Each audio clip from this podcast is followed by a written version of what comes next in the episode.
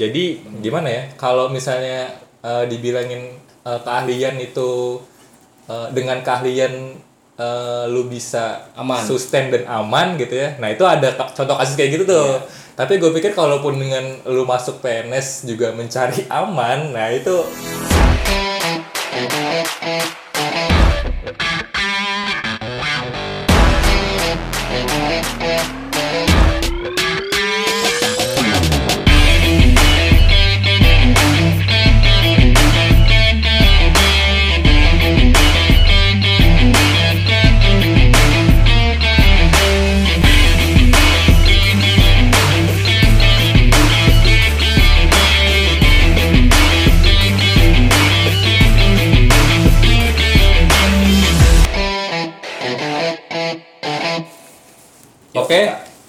oke balik lagi sama kita di podcast evokatif. Eh, di sini ada tiga orang. Format kita biasa ya. Ada Muji, ada Yogo, dan ada gua Wahyu.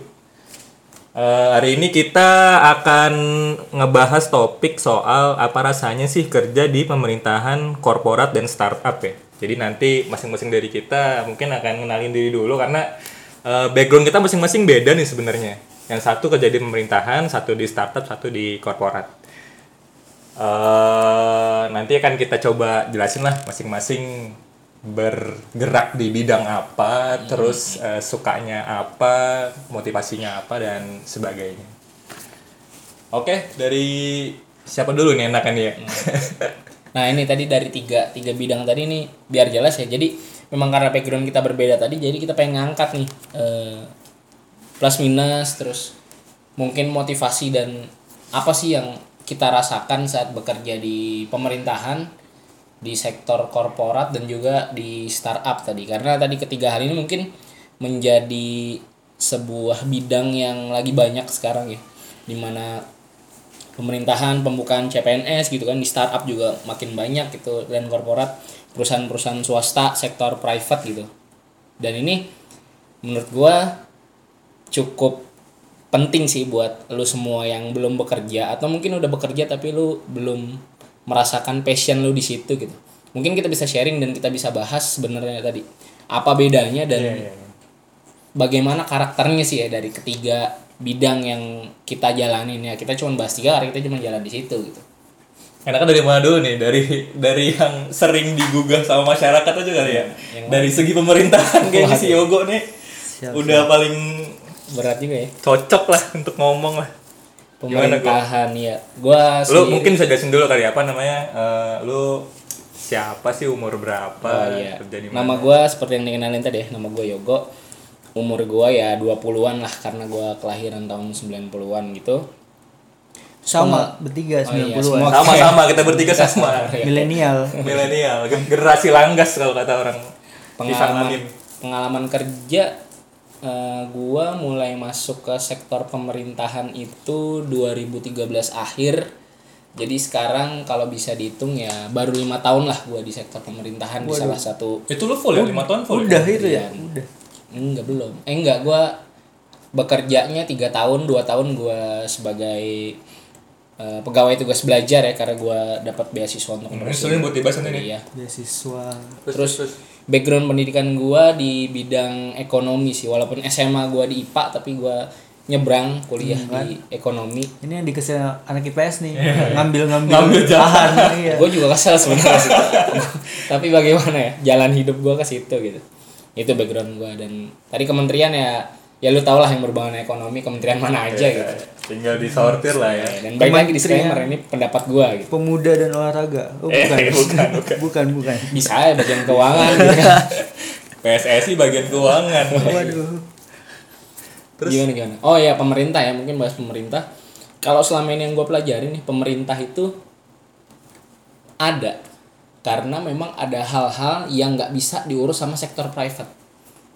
Contohnya misalnya ngaspal jalan nih di dekat rumah gua nih ada nih tempat yang jalanannya dari dulu tuh hancur gitu. Hancur. Nah asumsi gua ini hancur karena itu tuh perbatasan antara Bekasi sama Jakarta gitu. Nah, jadi Nah di mana keduanya ya mungkin tadi nggak ada kewenangan ya. Ah, ah, kewenangan bentrok siapa kan. tuh ya? Nah itu pemerintah tuh yang gue pelajari belajar dari situ. Ada sektor-sektor, ada fasilitas-fasilitas umum yang swasta tuh nggak mau ngadain itu karena apa pentingnya gitu buat swasta. Nah, hadirlah pemerintah yang memang untuk memberikan tadi fasilitas umum, pelayanan umum buat masyarakat. Nah, itu adalah sektor pemerintahan. Waktu itu masuk tahun berapa sih pemerintah tuh? Pertama kali ke kementerian tuh? 13 akhir Itu emang masuk dari CPNS apa gimana, Bro? CPNS. Ya, gua ya, Tahu gimana tuh? Nyebut, Ceritain. nyebut nih ya udah. Ceritain dong. Ya, ya gue CPNS, gue dari salah satu wah, ngomong jadi sekolah kedinasan gitu ya. Kan sekolah yayasan Eh, banyak. banyak. Cuma ekonomi dikit. Jelas ya. Ekonomi dikit. Tinggal Apa ya? aja.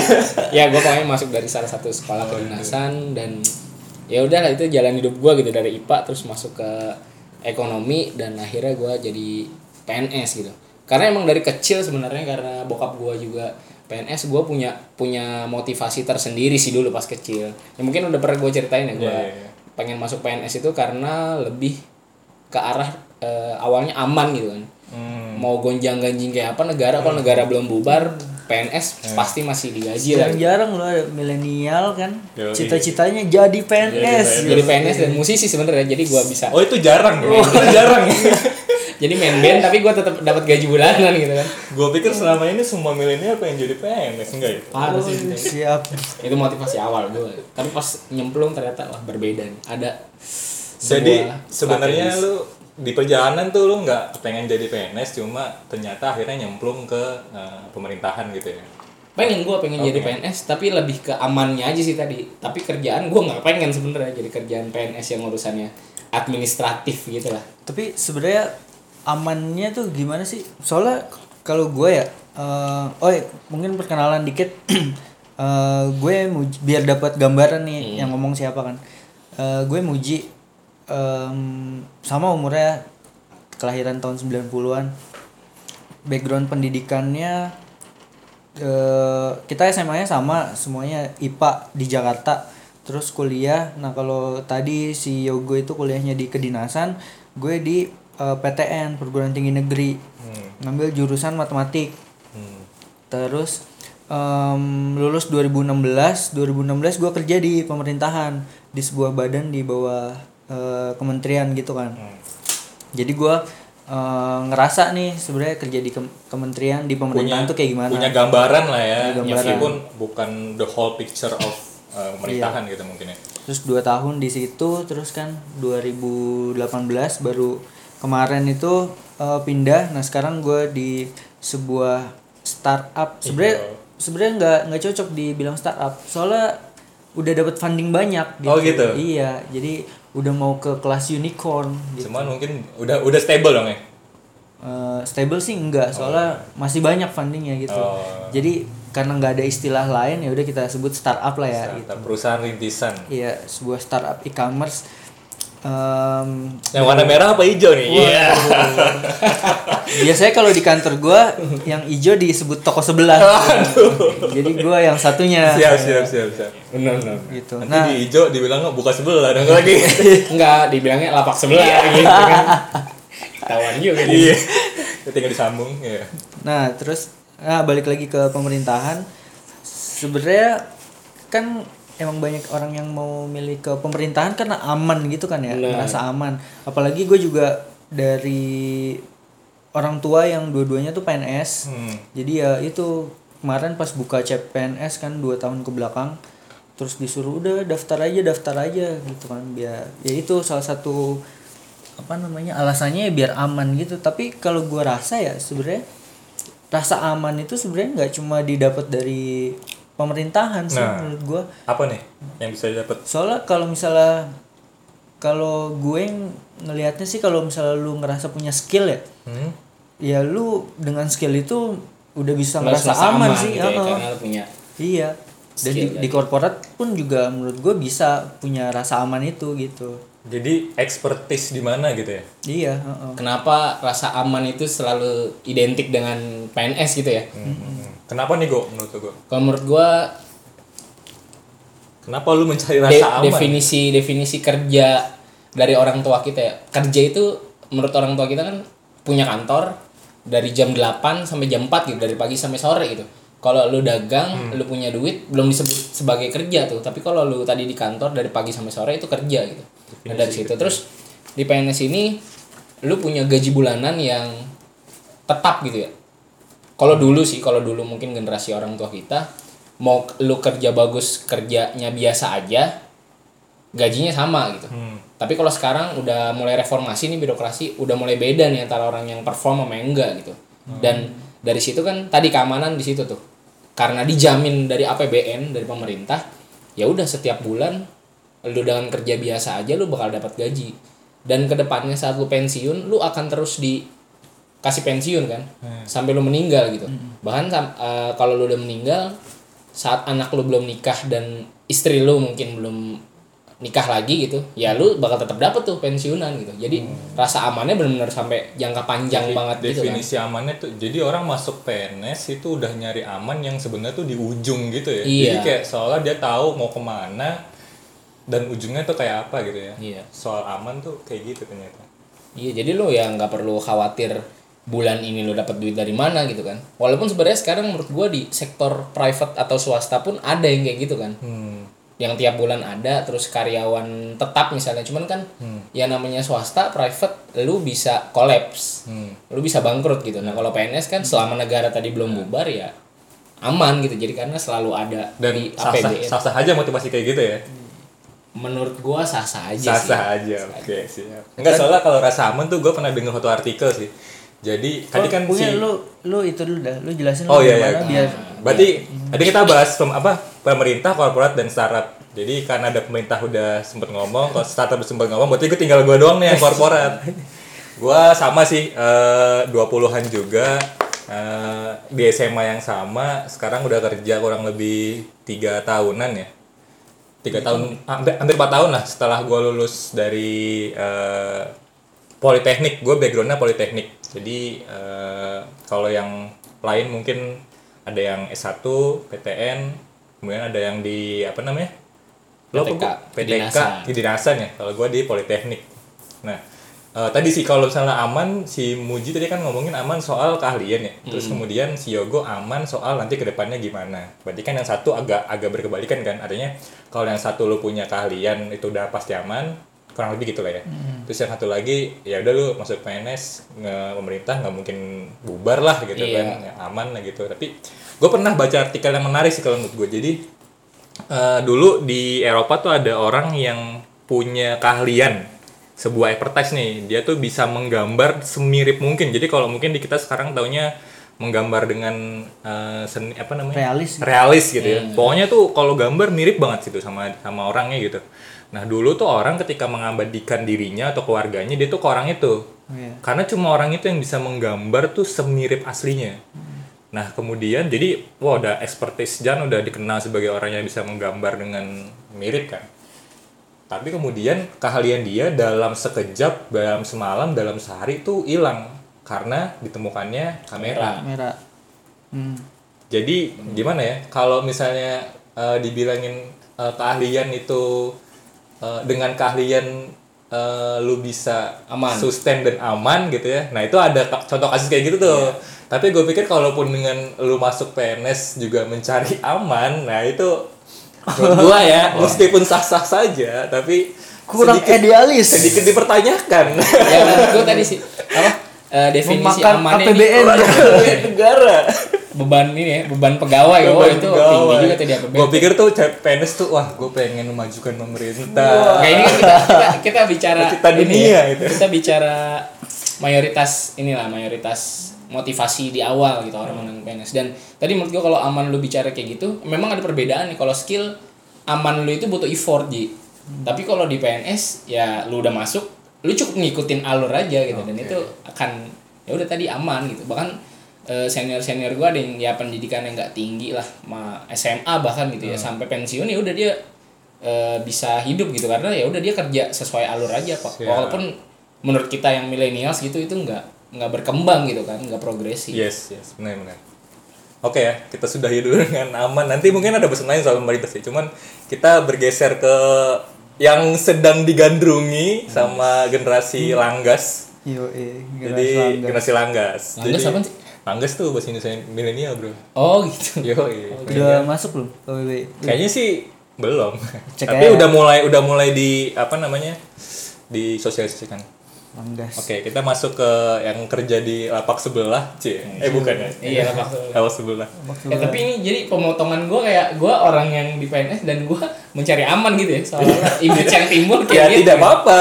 Ya, itu sah sah aja walaupun gue sebenarnya motivasi besar sih gue di PNS itu ya ntar itu kita bahas di Ya, segmen lain lah Namanya. Oh. Oke, terus kita masuk ke berikutnya lah si Uji nih startup Muji dengan startup. Oh gue Ji, dijelasin dulu kali ya Lu ya tadi kan sempat dijelasin lu sempet eh, berapa tahun di ini ya, di salah satu Di- sektor pemerintah juga Iya. sektor pemerintah juga. Terus kenapa kenapa lu pindah yang tadi ya berarti berkebalikan banget ya. Yang satu udah menurut definisi Yogo tuh udah aman, sekarang pindah ke sebuah perusahaan rintisan yang Nah, yang masih belum stable. risknya lumayan lah Ya ya. Hmm, Nah, eh, kalau gue sih ngelihatnya, em, gue ngerasa sih emang pas di pemerintahan itu eh, ngerasa rasa aman yang lu maksud gitu kan, secara secara personal, secara subjektif itu eh, bener kita aman emang. Em, ada gajinya gitu kan, terus em, dengan menurut gue skill yang skill yang cukup ya udah itu bakalan aman sampai tua nanti gitu. Tapi eh, gue sih ngelihatnya dengan umur kita yang masih bisa belajar masih bisa berkembang gitu kayak sayang banget sih. Gue sih berpikir sebenarnya kalau misalnya nanti udah udah susah untuk belajar mungkin bakal balik lagi ke pemerintahan gitu. Tapi untuk saat ini wah jadi ada kesan Jadi- berbeda nih ya. Iya, kayak Iya. gitu. Gua untuk saat ini eh, mungkin untuk saat eh, saatnya belajar gitu. Saatnya belajar gitu eh, dan menurut gue sih tempat paling enak itu sekarang belajar tuh di startup. Kenapa startup? Soalnya eh, di startup ini juga eh, si organisasinya ini juga lagi belajar lagi naik. Jadi menurut gue asik sih dengan organisasi yang sama-sama tumbuh, kitanya sama-sama tumbuh, teman-temannya juga sama-sama tumbuh. Jadi em, kita belajarnya bareng gitu. nah definisi dulu Satu startup gue pengen tahu menurut lu kan sering disebut ya tapi belum tentu semua orang tahu gitu Perusahaan startup itu apaan gitu rintisan ya. kalau lu kan waktu itu ngasih definisi yang lu tuh mencoba memberikan solusi yang itu belum tentu solutif gitu Betul. kan. Oke. Anjir, sebenarnya gue juga bingung. Nggak, kalau gue dulu mengutip dari orang Bukalapak sendiri sih. Jadi Waduh, disebut merek. ya buset deh sensor lah. Jadi dari yang waktu itu sempat sharing dia bilang tuh eh, quotes-nya adalah startup perusahaan intisan adalah perusahaan yang memberikan solusi kepada suatu permasalahan tertentu yang sebenarnya belum tentu solusi itu bisa berhasil. Jadi belum jadi kita lagi nyoba, memang lagi divalidasi juga apakah emang ini jadi apa enggak gitu perusahaan eh, startup. itu Kalau- langsung kalau- dari pelakunya ya yang ngomong kayak kalau ya waktu itu sih gue denger sih gitu. Tapi mungkin kan ya dia punya definisi definisi yang beda-beda mungkin ya. Tahu dari lu. Kalau gue sih ngelihatnya eh, ngelihat eh, ini teknis banget sih tapi Boleh boleh. em, tapi secara umum tuh masuk banget soalnya si startup ini dengan perkembangan teknologi ya. Hmm. Jadi kerasa banget kalau yang namanya startup itu yang berhubungan ke eh, apa namanya teknologi, itu. Eh, apakah bentuknya misalnya ada apps-nya atau ada websitenya gitu itu kerasa banget di situ. Soalnya kalau ada organisasi tapi nggak ada apps-nya gitu misalnya atau nggak ada websitenya itu ya jarang orang sebut startup gitu. Hmm. Gitu sih menurut gua. berarti lebih ke web sama apps tadi ya Dan bergerak di teknologi informasi. tapi ya itu gue juga setuju sih ke apa namanya pe- pemecahan apa jadi solusi Iya. Suatu permasalahan gitu Bergerak sebuah solusi ya.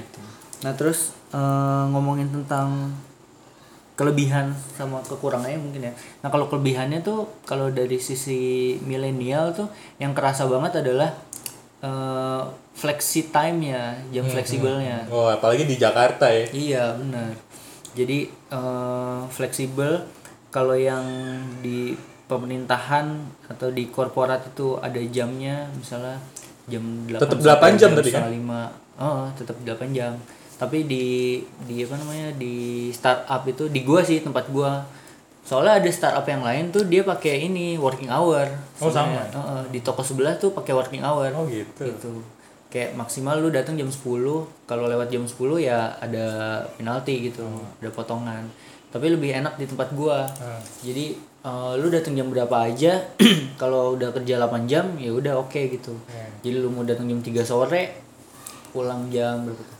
3 8 Sip sore Iya, jadi sore. 11, iya jam pulang jam 11 malam ya oke aja gitu Iya, iya. namanya kerja Karena kan yang gue denger memang eh enggak jadi jam kerja produktif orang-orang tuh beda-beda katanya ya. Iya, Ada yang benar. Pas bangun tuh kayak zombie tuh misalnya lu pagi kayak zombie baru baru berproduksi ketika makan siang Hmm. atau malah kebalikannya ada yang kayak kalong bekerjanya malam gitu ya. Jadi mungkin flexi flexi time tuh di generasi milenial sebuah kelebihan banget gitu ya. Iya benar. Apalagi di kota besar kan. Kota besar, ini, kayak Jakarta. gitu. Terus em, itu pertama flexi time. Terus juga kalau di tempat gue tuh bisa ini remote namanya working from home remote. Jadi kita bisa dihitung tetap kerja tapi nggak usah datang ke kantor. Oh. Tapi jangan sering-sering juga ya setiap hari. Oh itu Oh, itu ada batasannya? ada batasannya ya? Em, gua gue sebenarnya nggak di perus di peraturan kantor sih sebenarnya nggak ada Nggak, batasannya sih ya? Eh, cuman ya kurang ajar aja Oh, lu kan iya. lu dibayar Etikanya. kan heeh. masa nggak masuk masuk gitu kan Tapi lu udah pernah pakai itu nggak? udah udah pernah Udah pernah pakai? Wah asik juga ya. Karena em, sekali-kali gue pakai kayak misalnya gue kan sambil kuliah ya sekarang jadi em, misalnya ada tugas banyak nih gitu. Terus kalau misalnya gue datang ke kantor eh, ada ngob kan diajak ngobrol kan sama orang jadi mendingan gue remote aja kerja dari rumah jadi lebih silent. Terus kalau misalnya ada kerjaan ya orang-orang tinggal apa namanya ngejapri gitu kan. Hmm. nanti minta kerjaan apa ntar gue kerjain dari rumah gitu. Jadi kerjanya tetap ke deliver.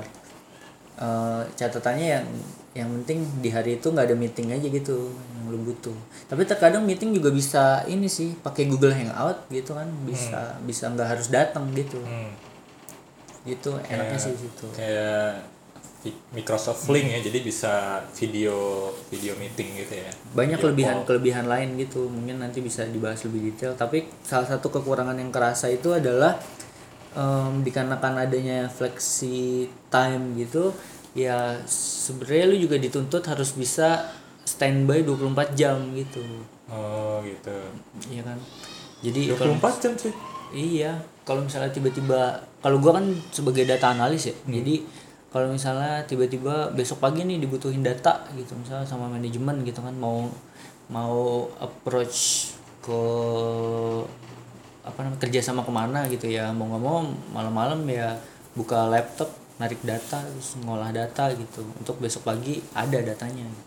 Itu data. Kalau misalnya di orang IT-nya di infrastruktur menjaga server kalau Oh, iya, tiba-tiba itu ya. Apps yang koneksi, crash gitu oh, ya. app gitu itu on call. Jam satu mati ada laporan ya udah Hmm. bangun. Gitu. Tapi di kantor gue juga gitu sih. Kalau soal server sih emang harus tetap Iya kalau teknologi informasi kayaknya hampir sama ya harus standby banget. Iya. Makanya daftar aja Iya. asal lewat gue ya Siap. referral nih, referral. Oh, iya, dipakai referral. Iya, siap. Boleh boleh boleh. Boleh. Singkat kali ya startup. Segitu dulu nah, mungkin nanti, sekarang- nanti kita bahas soal habit-habitnya lah di itu. Iya, lebih dalam lagi. Lanjut nih, sekarang dari lu yuk sebagai orang yang bekerja di sektor private atau korporat tadi kan. Korporat. Dengan apa? Dengan quotes quotes mantap gitu ya. Start your impossible gitu. Aduh, jangan itu nanti Oh, itu udah. itu ketahuan ya ketahuan gitu. Oke, lanjut. Gimana? Itu. Apa ya? Eh, gua gua tuh lulus dari Politeknik sekitar 2000 berapa sih? 2014 ya? 14 akhir lah. Eh, terus nggak lama, sekitar tiga bulan saja saya cari pekerjaan. wis. Kemudian Itu prestasi apa? prestasi. Saya nggak tahu nih. Mungkin kan kalau sekarang bisa lebih lama kali ya karena apa eh, banyak lulusan sedikit lapangan pekerjaan. Em, masuk 2014 kemudian langsung bekerja di salah satu eh, perusahaan manufacturing eh, mobil. Yo mobil SA itu apa namanya apa apa sih mobilnya Jokowi apa namanya waduh waduh SMK. bukan bukan oh bukan bukan Bukan, bukan. Jangan disebut itu, Pak. Nanti rame itu. ya, masuk itu 2014 akhir, kemudian sekarang udah kurang lebih hampir 4 tahun lah. November nanti kalau nggak salah gue 4 tahun. Yo. Terus Anniversary ya? betah betah betah ya betah jadi kenapa ya? Apa alasan gue memilih bekerja di situ? Sebenarnya lebih karena eh, dulu tuh masuk aja sama visinya politeknik. Kan kepengen menciptakan apa namanya eh, tenaga kerja yang berkualitas dan sebagainya sebagainya sebagainya kan. Gue pikir ya udah eh, karena gue dulu lulusannya adalah backgroundnya elektro jadi gue pikir wah kayaknya gue coba nyari perusahaan yang lebih ini sedikit apa ya eh, masuk ke bidang gua gitu misalnya. Elektro otomotif. Gue pikir tuh gue bisa masuk ke apa nih kelistrikan mobil apa apa kayak gitu kan. Gue pikir dulu gitu. Serius serius tuh. Gitu pikir gitu. Cuman karena gini sih kalau gue masuk ke mechanical electrical tuh waktu itu kan kebanyakan lulusan gue masuknya ke mechanical electrical. Kayak kontraktor mekanik ya apalah. Maksudnya kelistrikan gedung dan sebagainya. Terus gue pikir wah ini udah terlalu eh, mengikuti arus nih gue nih kalau kayak gini. Gue pengen nyari yang lain ah gitu jadi teman-teman gue tuh ketika lulus sidang udah pada kerja tuh nah waktu itu gue masih kayak wah gue coba Dan yang di nih. otomotif itu nggak mengikuti arus. menurut gue sih tidak Teman-teman lu sedikit yang di iya situ. sedikit yang Oh, di gitu. situ ya udahlah akhirnya gue coba nyari sekitar tiga bulan sampai akhirnya ketemu lah di sini ya ya salah satu alasannya sebenarnya itu sih mencoba oh untuk bukan uang bukan uang ya Oh, kirain ya. uang asing kita semua itu Kita semua bekerja sih. Tapi kayak gitu sih. Jadi kenapa gue memilih ya waktu itu karena eh, tadi sih gue mencoba mencari alternatif dari pekerjaan eh, technician yang lain electrical yang lain ya akhirnya ketemu di bidang ini. Meskipun memang bidang yang sekarang ini nggak nggak nyambung sama sekali eh, sama mata kuliah sama kuliah yang dulu gue pelajari. Kamu bilang lu sekarang apa? Gue sekarang bidangnya adalah sebagai cosplaying ya. yo Jauh banget tuh udah. Ekonomi ya. Jadi elektro masuk ke otomotif masuk ke otomotif, cosplay nih jadi cosplaying. Mantap.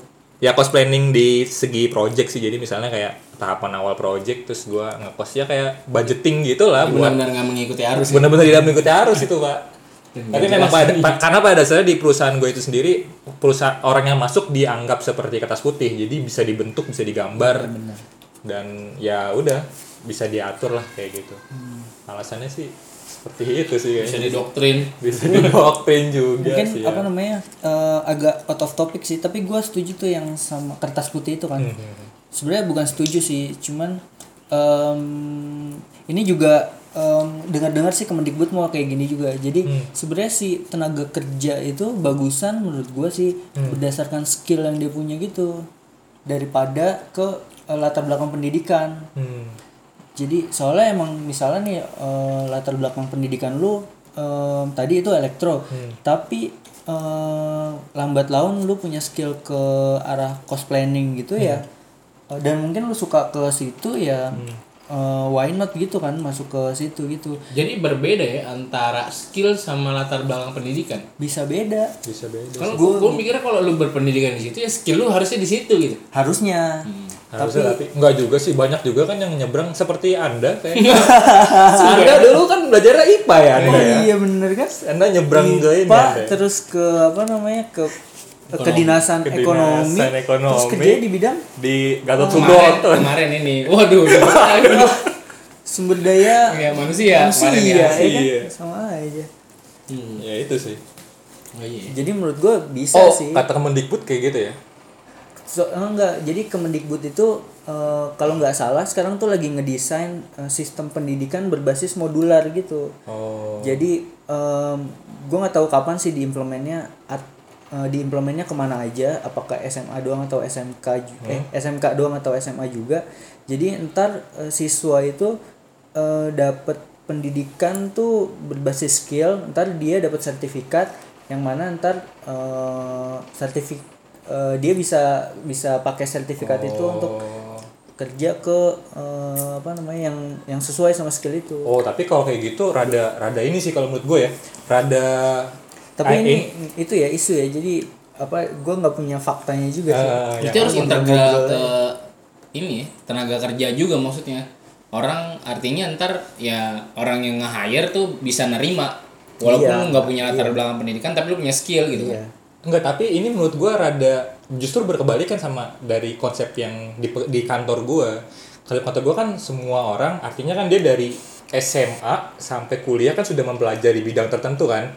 Misalnya IPA misalnya IPA nyebrang ke yang IPA juga IPA ke IPA juga ataupun mungkin nyebrang yang ke IPS berarti kan dia sudah punya latar belakang tertentu mungkin punya skill tertentu. Tapi ketika masuk ke perusahaan gua nih Oh, iya. jadi Pukul seperti kelas rata ya? putih dipukul rata. Ada orang metalurgi bahkan ada orang metalurgi masuk ke purchasing. Ada orang teknik kimia dan sebagainya. Jadi eh ya kalau gua tangkap dari yang tadi kan eh, modularnya berarti udah spesifik banget ya. Jadi yang emang gua dengar bahkan SBMPTN sendiri tuh mau dihilangkan kita mau menganut sistem kayak di Amerika namanya SAT kita mau menget di Amerika namanya tuh SAT gitu. Nah, eh, SAT itu jadi ketika lu daftar kayak TOEFL. At- Jadi ketika lu bisa ngambil banyak eh, ini kan, bisa ngambil kapan aja kan TOEFL sama kayak SAT.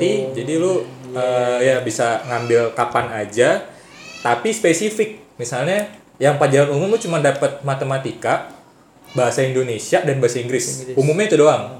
Terus yang spesifik lu cuma boleh milih dua. Misalnya lu milihnya IPA atau ekonomi atau apa gitu. Ekonomi misalnya sama akuntansi misalnya gitu. Jadi kalau dulu kita SBMPTN kan eh, banyak kan rata eh, biologi lu pelajarin juga padahal meskipun nggak lu nggak akan ngambil ke situ gitu. benar. Nah, kalau Oh, dari itu SBM marahnya ke situ. Hmm. Nah tadi sih kalau ke, ke- keahlian ya, menurut gua kurangnya di gua adalah lu mungkin ahli untuk hal tertentu tapi lu nggak punya bukti. Oh iya. Tadi kan, misalnya lu di pemerintahan pasti kan ada semacam sertifikasi kan. Benar. Kalau misalnya di startup lu as a data scientist kan mungkin punya apa ya? eh, diakui sama orang gitu kan. Nah, kalau gua nih sebenarnya rada rada ini nih. Keahlian tuh rada rancu, rada burem. Cuma diakui di tempat lu aja yes, gitu kan. Di tempat itu maksudnya di bidang.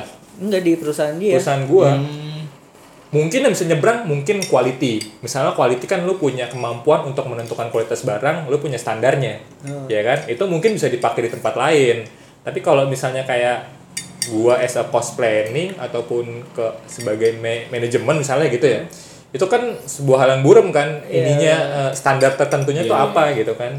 Tidak ada sertifikasinya. Nah menurut gue sih eh, beberapa ada itulah yang gue pikir wah kalau menyongsong pendi, menyongsong pekerjaan dengan keahlian itu yang rada-rada kurang sih kalau menurut gue. Itu yang masih perlu gue juga gue cari kayak gimana. Tadi dia udah bahas plusnya belum? oh ya belum bahas plusnya ya sebenarnya kalau korporat sih beda-beda perusahaan tapi di perusahaan gue yang sekarang nih udah lumayan stabil. Stabil. stabil sih jadi kan mungkin nggak sekuat pemerintah yang nggak mungkin. Ya misalnya gitu kan yang kalau mungkin perang baru hancur gitu kan. Ataupun startup perusahaan rintisan yang tadi eh, belum tentu berhasil sehingga kapan aja mungkin bisa eh, Iya. jatuh gitu kan tapi kalau di beberapa perusahaan yang swasta yang Multinasional. multinasional Oh iya multinasional. Iya, Puluhan itu- tahun ya perusahaan lu. puluhan tahun sih udah, udah- udah lama banget jadi mungkin itu sih bisa dibilang juga cukup stabil eh, keuntungannya di situ sebenarnya Di tengah-tengah gitu ya antara pemerintahan sama Di tengah-tengah. eh, Startup.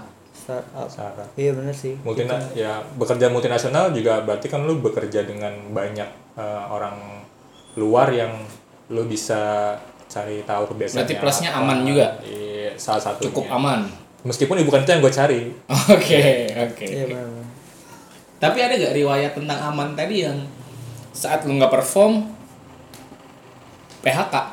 enggak kalau di kantor gua enggak di kantor gua ya di kantor gua enggak Terus ketika kalau lu nggak udah di- perform apa? ketika lu udah diangkat jadi karyawan tetap kalau ya ketika lu nggak perform ya udah kan lu tetap gaji dapat gaji itu aja cuma mungkin gitu ya. mungkin ini apa tadi kan kalau di pemerintahan juga perform nggak perform kan tergantung sama kenaikan jabatan dia kan Iya. ya itu bekerja juga di gua gitu meskipun ya nggak tahu sih di Indonesia atau apa ataupun di mana pun kayaknya eh, political political stabbing each other kayaknya ya, kalau di Ada lah itu di mana-mana. tuh, di mana-mana ya Oh, oh. nggak tahu di Indonesia doang apa di mana gitu Enggak kayak di mana juga ada sih. Oke. Berarti tadi dari secara umum tiga sektor udah dibahas ya cukup umum cukup umum kan terkait pemerintah terus terkait startup dan juga korporat. Nah kira-kira kita mau eh, rehat dulu nih atau mau lanjut lebih dalam lagi nih? ya nah kita bahas soal habitnya kali kayak Oke mungkin rehat dulu kali ya biar Iya, rehat ntar kita lebih fokus. Berarti setelah ini mau apa? Habit tadi. habit Ya, enggak, ntar ini bagiannya, bagiannya dipotong aja. Pada ngeliat gua guys. Oh, gua juga bingung. Enggak bagiannya dipotong aja nanti. Enggak, maksud gue nanti kita ngomongin habitnya juga. eh, apa sih kebiasaan seru apa di pekerjaan lo gitu kan di startup tuh eh di startup lagi yang seru kan. Ada di pemerintahan apa sih yang seru sama di Oke, mungkin apa sih yang seru. Mungkin itu kali ya. Selanjutnya lebih dalam lagi ya terkait dalam lagi, tiga lebih- sektor lebih ini. masuk. Kita rehat dulu dari apa? Evokatif. Evokatif. Oke. Aktif podcast.